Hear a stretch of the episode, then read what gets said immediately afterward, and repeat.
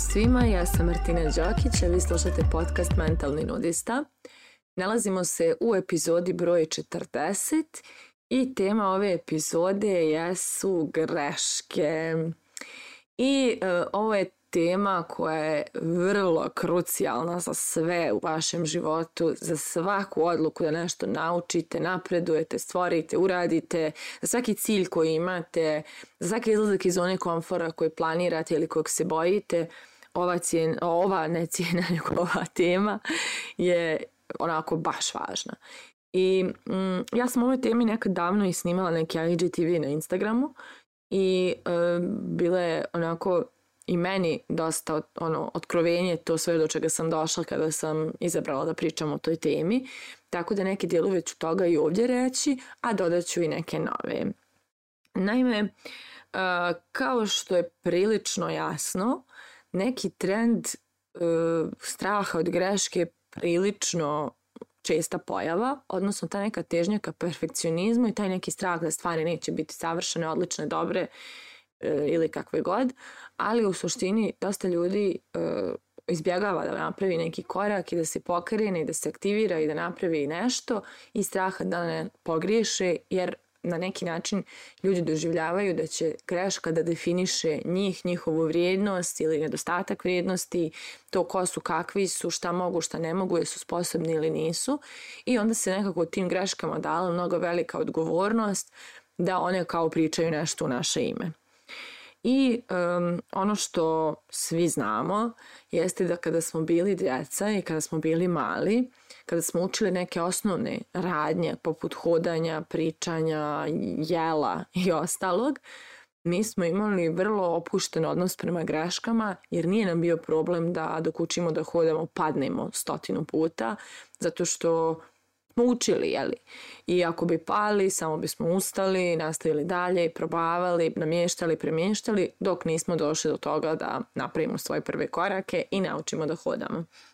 Isto je bilo i sa pričom, to je govorom. E, brkali smo slova, pogrešno izgovarali riječi, e, nismo, nis, neka slova nismo mogli da izgovorimo i slično. I nije nas to spriječilo da nastavimo da usavršavamo svoj govor, i dođemo do toga da možemo da komuniciramo, da možemo da pričamo i, i da se služimo jeli, jezikom koji pričamo. Isto tako kada smo učili da jedemo, sada ne dužim, ali ono, znali smo se umrljavimo, da prospemo, da griješimo i u tome, jeli, dok nismo naučili sve to. Tako da u suštini mi kada smo, mi smo se rodili sa opuštenim odnosom prema greškama i rodili smo se s time da je to sasvim prirodno, normalno, okej, okay, i da um, u tom nekom smislu nema tu ništa čudno da se nešto griješi kada se nešto uči i radi. Međutim, onda kada su roditelji počeli da nas vaspitavaju, ono njihovo čujeno ne to, ne tako i slično, počelo je da odzvanja u našim glavama, a onda je krunisanje strahu od greške kreirala, kreirao obrazovni sistem Jer onog trenutka kada smo krenuli u školu, greške su počele da se broje kao argumenti za smanjenje ocjene. I na sve to, ocjene kao takve su definisane da govori o nama. Da li smo odlični, da li smo vrlo dobri, da li smo dobri, da li smo, nedovo, e, da li smo dovoljni ili smo nedovoljni za Boga. I onda tu polako počinje da se razvija strah od greške jer greška je značila umanjenje naše vrijednosti, umanjenje naše ocjene, umanjenje našeg uspjeha i samim tim izgledali smo sa što više koncentracije da izbjegnemo greške kako ne bismo došli do tog nekog umanjenja sebe i svoje sposobnosti i svoje vrijednosti. I tu zapravo nastaje, dame i gospodo, naš potpuno pogrešan odnos prema greškama, jer najzdravija logika na svijetu govori da ne može ništa novo da se nauči ni usvoji ako se ne dozvoli sebi da griješimo u tome.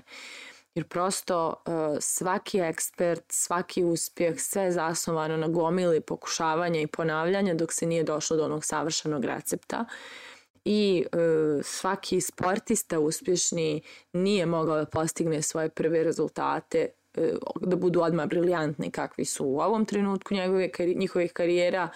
E, svaki uspješan muzičar nije mogao da ubode svaku notu da nije, ako nije puno vježbao. Svaki uspješan matematičar ne bi znao da radi dobro zadatke, da ih nije vježbao, grešio, ispravljao, brljao. I koji god posao, evo da uzmemo u, u obzir, niko ništa nije naučio bez mnogo grešaka, bez niza grešaka i bez toga da ne, prihvat, ne gleda te greške kao kraj svijeta, nego kao neku informaciju da e, taj način nije dobar, nego treba da se nađe neki drugi.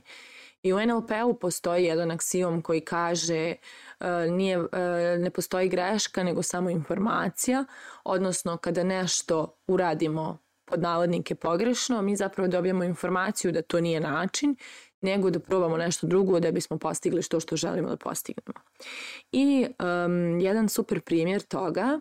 je Sara Blakely, to je uh, jedna preduzetnica iz Amerike, možda neki od vas znaju ko je, ona drži Spanx industriju i ona je žena koja je bila najmlađi samokreirani ženski milijarder na svijetu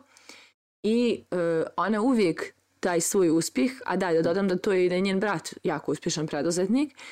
i, da, i ona uvijek taj svoj uspjeh pripisuje tome što je imala vrlo dobru e, dobar odnos sa greškama, odnosno tome što njihov otac njima od malena e, redefinisao odnos sa greškama, tako što bi svaki put kada se vrati iz škole i ručaju zajedno sa ocem, otac njih pitao šta ste danas griješili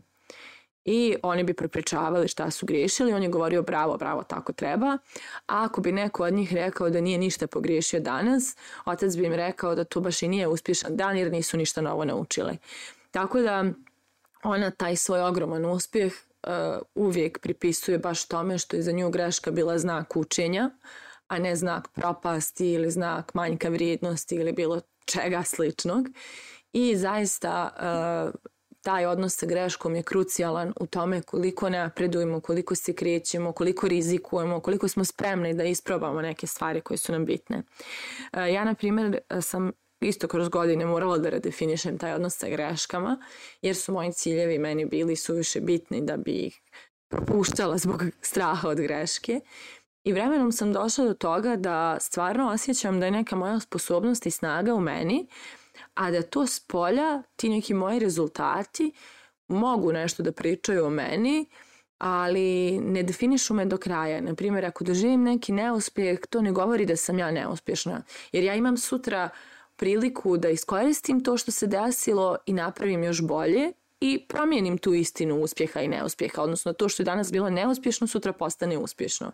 I to je jako važno i kada ste preduzetnik, uh, jer bit će mnogo situacija u tome, u, u, u tom putu gdje kada ćete misliti da niste uspjeli, ali bit će mnogo prilika da kažete, ali ajde da probam još jednom, znači ovo što je urađeno ovako nije bilo dobro,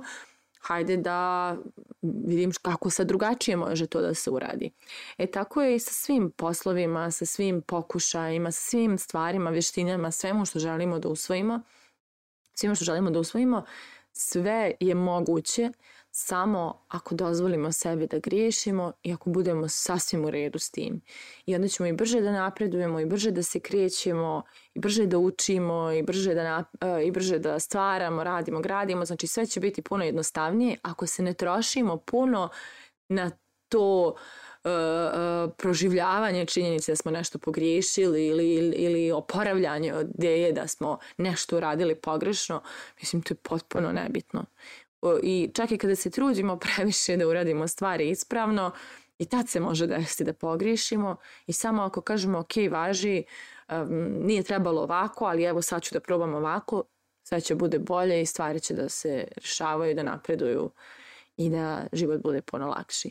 Tako da moje pitanje za kraj ove epizode jeste da li imate zdrav odnos sa greškama ili im dozvoljavate da vas one definišu. Mislite o tome, a mi se družimo u narednoj epizodi.